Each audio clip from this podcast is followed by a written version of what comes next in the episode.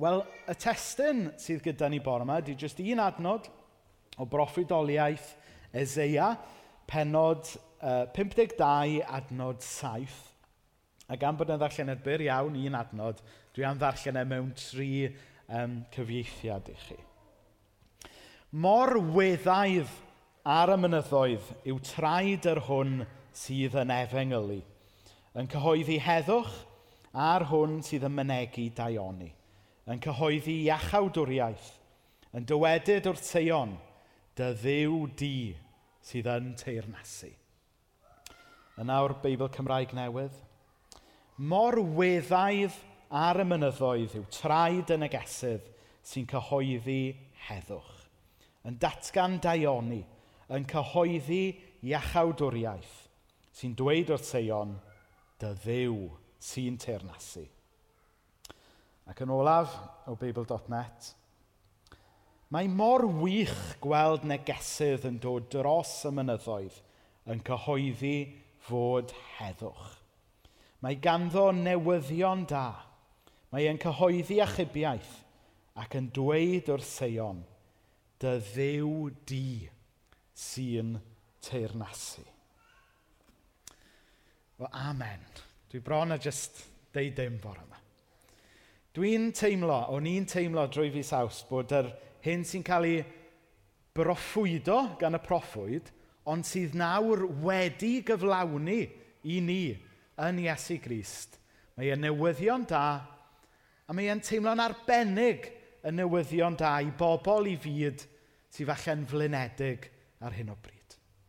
Byd sydd mewn terfysg, byd sydd angen cael ei hatgoffa bod yna iechawdwriaeth. Byd sydd angen i atgoffa bod gyda ni ddew sydd dal yn teirnasu.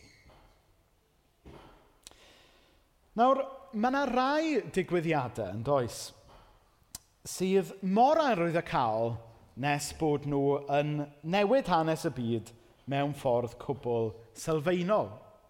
I rai ohonoch chi o'r genhedlaeth hun, Mae'n siŵr mae'r ail ryfel byd o bosib oedd y digwyddiad ffurfiannol. Rhai ohonoch chi yn cofio byw trwy'r blynyddoedd yna. Cofio'r ffordd y gnathau e newid y byd, newid cymdeithas, newid hyd yn oed y dref hon mewn ffordd cwbl sylfaenol. Rhai ohonoch chi sydd ychydig yn iau falle yn cofio byw trwy y rhyfel oer. Falle'n cofio byw dan gysgod ar gyfwng taflegrau Cuba. Ac yna, rai blynyddoedd wedyn yn cofio wal Berlin yn syrthio. Oedd yn nodi diwedd, neu dechrau'r diwedd y cyfnod yna. I rai mwyau ifanc yn ymplith ni, falle bod ni dal i fyw drwy yr un digwyddiad fydd yn diffinio eich oes chi, sef wrth gwrs y pandemig, yn dyfa, sydd wedi bod yn rhyw farcer mewn hanes, yn hanes pob un ohono ni'n hanes y wlad fel ffordd byddwn ni byth yn anghofio. Ond i rai ddath i oed fy oedra ni, yr un digwyddiad sydd falle'n aros yn y cof yw'r digwyddiad da ni'n cofio ac yn nodi 20 mlynedd ohono fe wythnos yma, sef yr ymosodiadau terfysgol a'r fedi yr unfed ar ddeg ugen mlynedd yn ôl. A dechrau be gath ei alw yn rhyfel a'r derfysgiaeth, y war on terror. Ac um, nos, nos, nos yn y blaen, o'n i'n gwylio rhaglen ddogfen oedd yn edrych nôl ar yr hanes trist yma ar iPlayer. Fi'n gweld sy'n rhywun arall wedi gweld y rhaglen. Mae'n rhaglen um, bwerus, trist iawn, ond Mae'n rhaglen dda iawn ac oedd e'n cyfweld rhai o'r arweinwyr gwleidyddol a rhai o'r newyddiadurwyr oedd yn flaenllaw um, yn y cyfnod yna. Yn cyfweld pobl fel George Bush, Condoleezza Rice a Dick Cheney a rhyw gymeriadau fel yna. Ac um, er oedd yna bethau difrifol iawn yn y rhaglen, un beth nath wneud i fi chwerthin oedd fod Dick Cheney dal i alw y, y, y Russians yn Soviets yn 2021. The Soviets oedd y dal yn ei galw nhw. Nawr, un o'r pethau nath ddal uh, fi yn, wrth wylio'r rhaglen yma, oedd y ffordd nath diwrnod digon arferol droi Benny Weired yn sydyn iawn.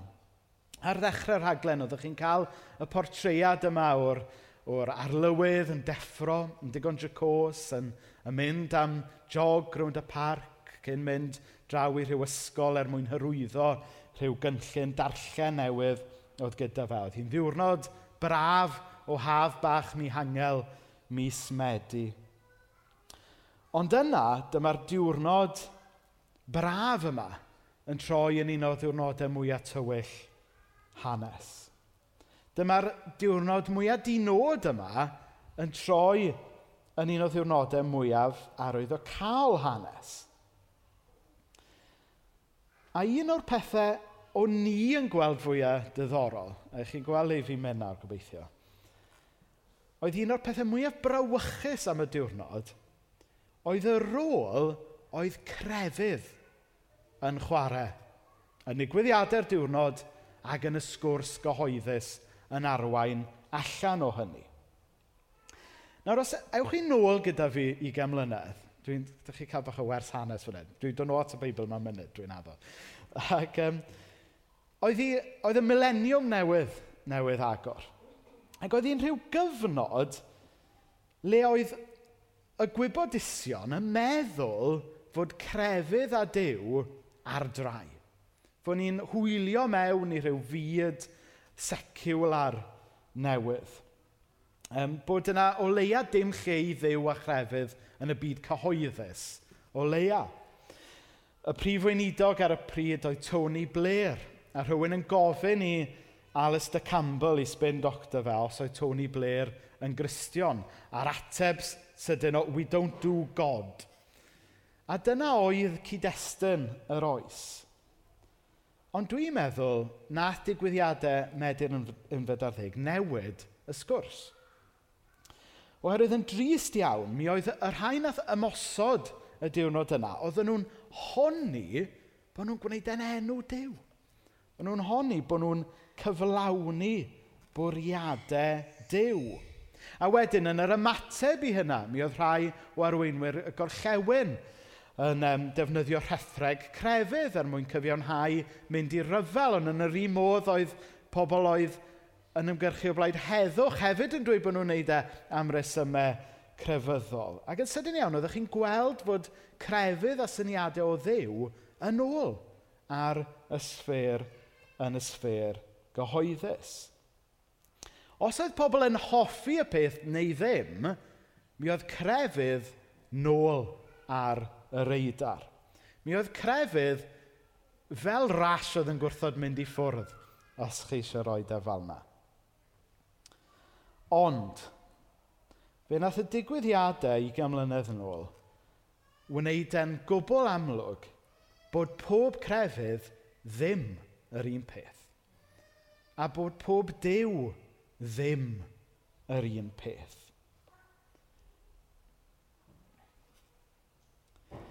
un peth pwysig arall na ddigwydd oedd nath e wneud i bobl ddeall bod yna fath beth a gwirioneddau universal, gwirioneddau absolute.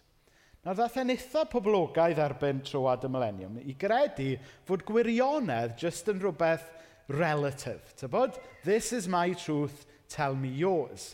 A bod pawb yn gallu cael gwerthoedd gwahanol.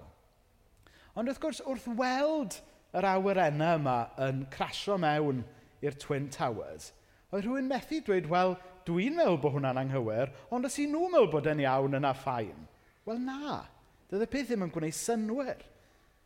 Mi oedd, e, mi oedd gyda chi ddau fyd olwg oedd yn clatio mewn i'r gilydd yn llythrenol ar yn sgrins teledu y diwrnod yna.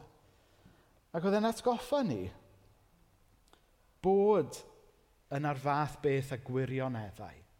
A fi'n meddwl bod e wedyn yn gorfod i ni ofyn, wel, o lle mae'r syniad yma o wirionedd yn dod? O le mae'r syniad yma bod yna rai gwirioneddau absolut yn dod?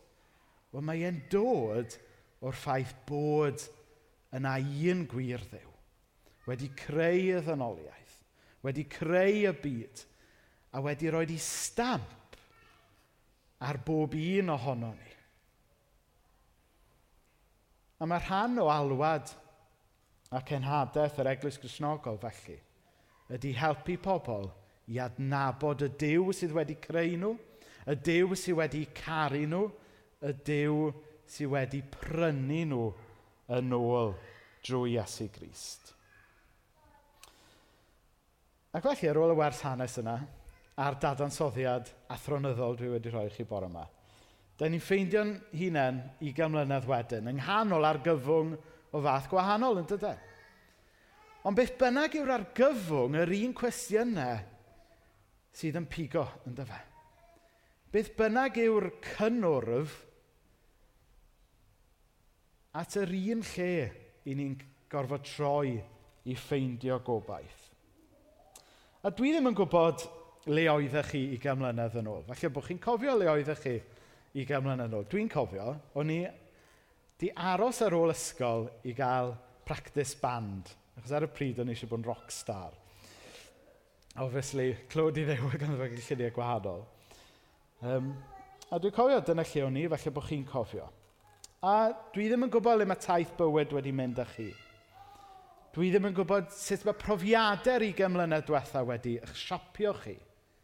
Dwi ddim yn gwybod le mae eich taith chi efo Duw wedi bod dros yr ugain mlynedd diwetha. Ond ar ddechrau y tymor newydd yma, dwi eisiau ni adael i'r broffwydoliaeth yma fod yn wir i ni.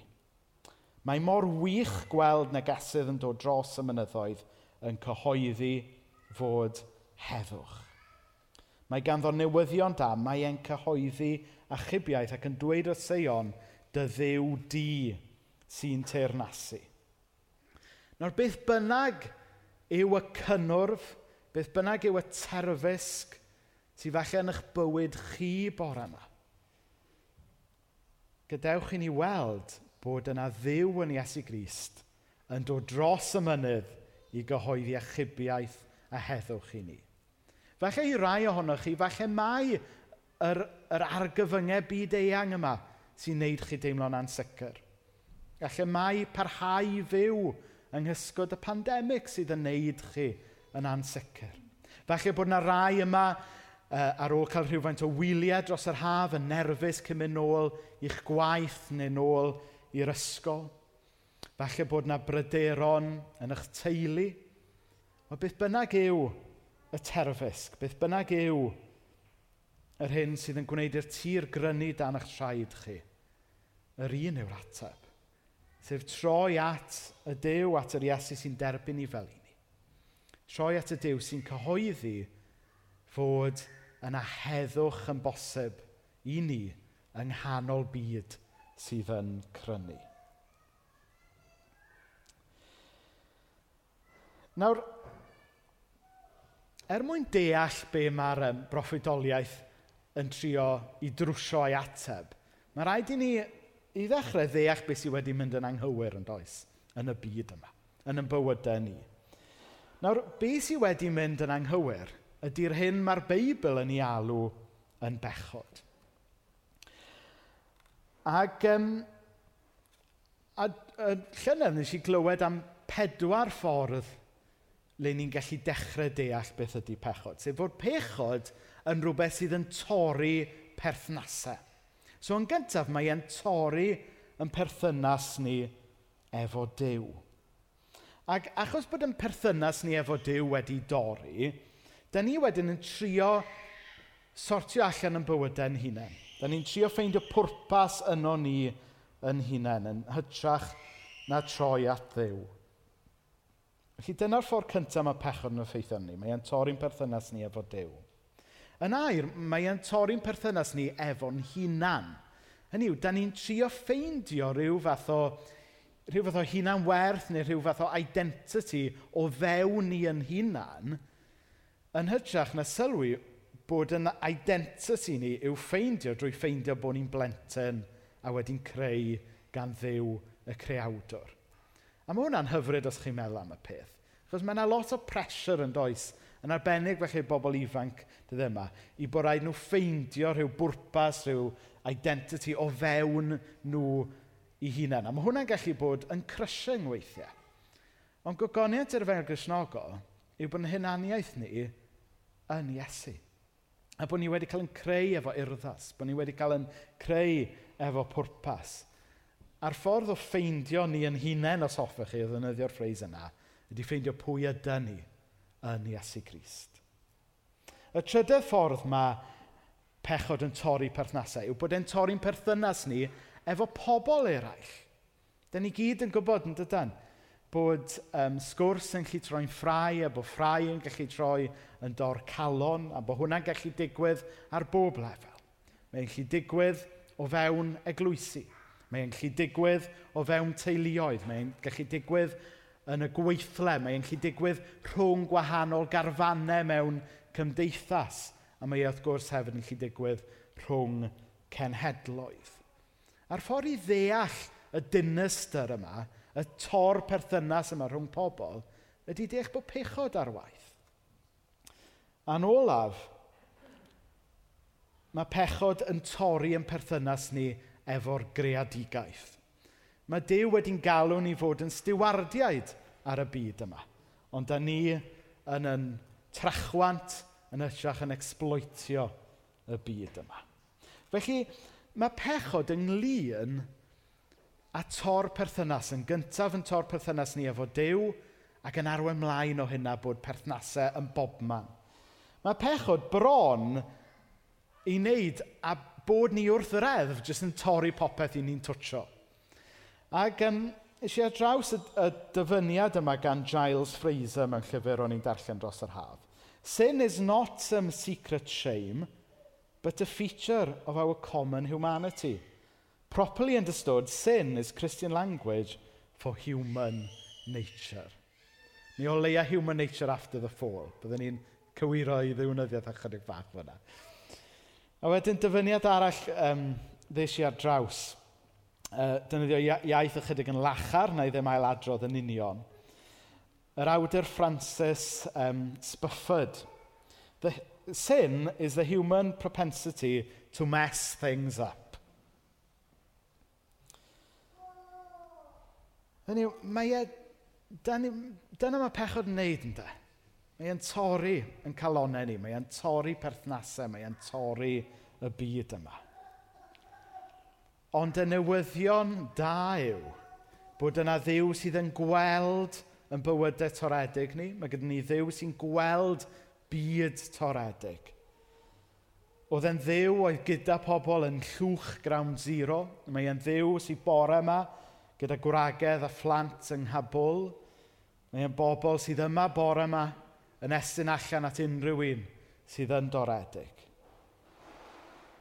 Dydy e ddim yn ddiw sydd yn hedfan ar awyrennau, dyw e ddim yn ddiw cas sydd yn mynnu aberth oherwydd bod ei hun wedi mynd yn aberth unwaith ac am byth ar y groes.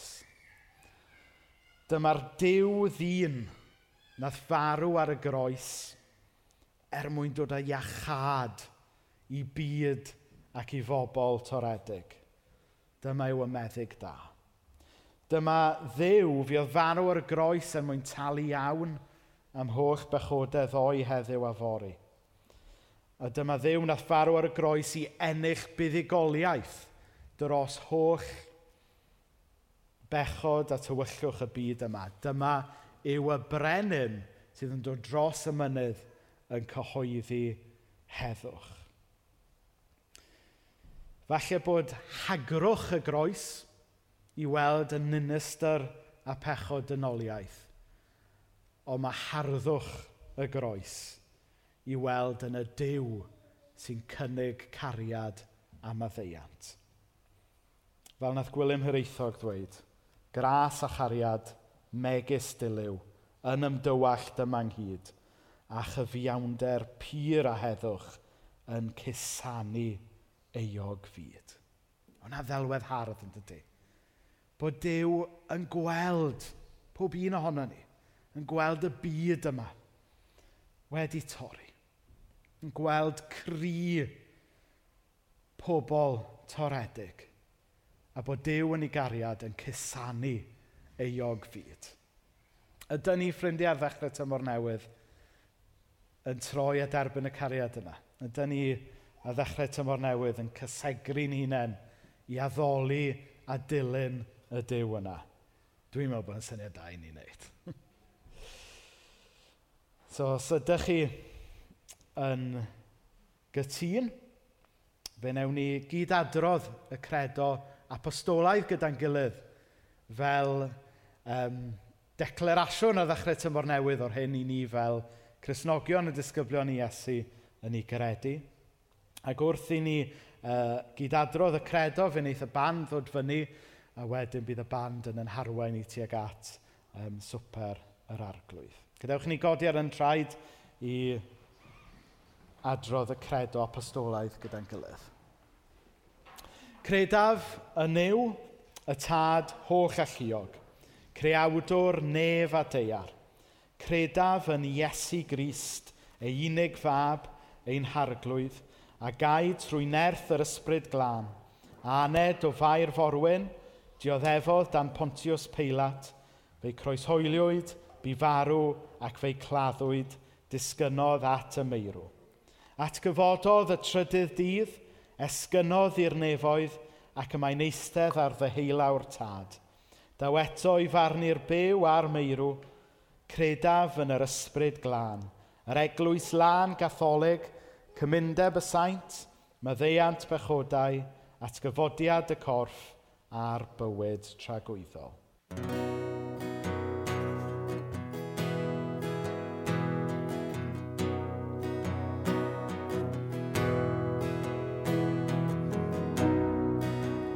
Wyt ti'n brif o dy dryllio ti fewn Wedi llesu dan bwysau dy fai and God.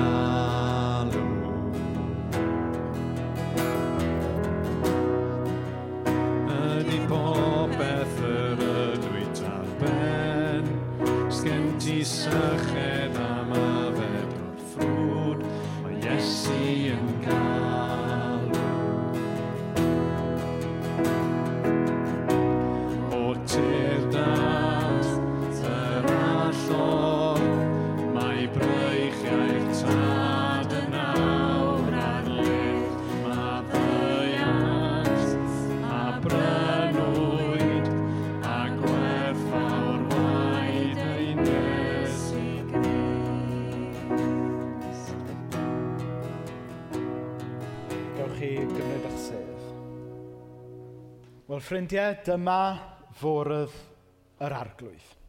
Dyma fwrdd dew, nid yr eglwys. Mae wedi baratoi ar gyfer y rhai sydd yn caru dew, a'r rhai sydd eisiau caru dew yn fwy. Felly dewch. Chi sy'n gadarn eich ffydd a chi sydd yn amau weithiau. Chi sydd yma'n aml a chi sy'n newydd. Chi sydd wedi ceisio dilyn a chi sydd wedi methu.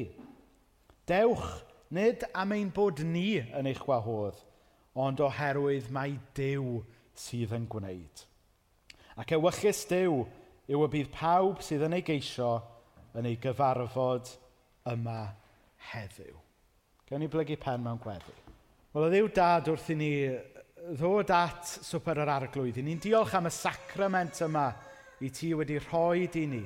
I atgoffa ni o ddiw, mae beth sydd yn iachau yn perthynas ni efo ti yw aberth Iesu. Be sy'n gwneud cymod rhwng yn gilydd yn bosib ydy aberth Iesu. O ddiw dad, da ni yn ostynedig yn dod at y bwrdd yn cydnabod yn beiau, yn dweud sori am yn pechodau, ond yn diolch bod ti yn ddiw sydd yn rhoi maddeiant a bywyd newydd i ni. Amen. Felly, mae'r bara yn atgoffa ni o gorff yr arglwydd Iesu. A meddai Iesu wrth iddynt fwyta cymerodd fara ac wedi bendithio fe'i torodd a'i roedd ynt a dweud, cymerwch hwn yw fy nghorff. Ac yna fe gymerodd gwpan, ac wedi diolch fe rhoddodd iddynt, ac yfodd pawb ohono. A dwedodd wrthynt, hwn yw fy ngwaed i, gwaed y cyfamod sy'n cael ei dywallt er mwyn llawer.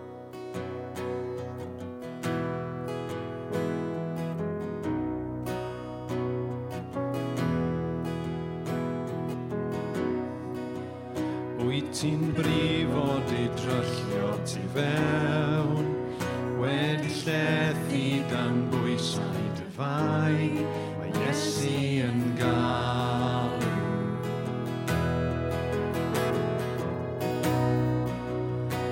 Ydy popeth ydw i tarben Sgen ti sychen am yfed o'r ffrwd Mae Iesu yn gael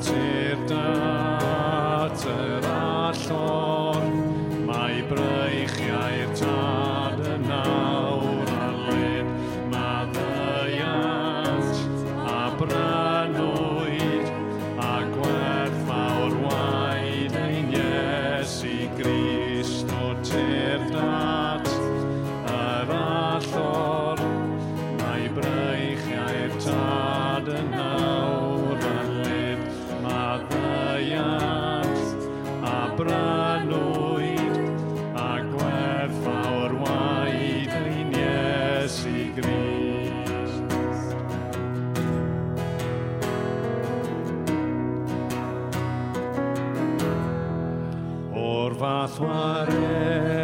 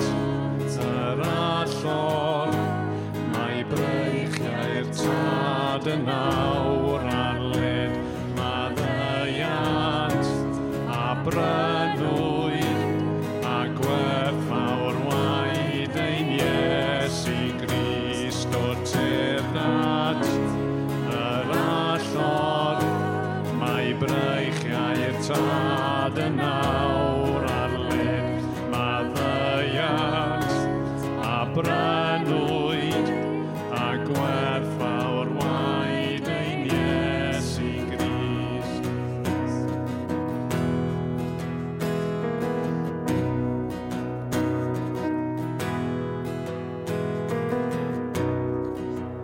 Cariad groes y mae'r goron i ddod agwedd wrth bawb am y trysor a gest.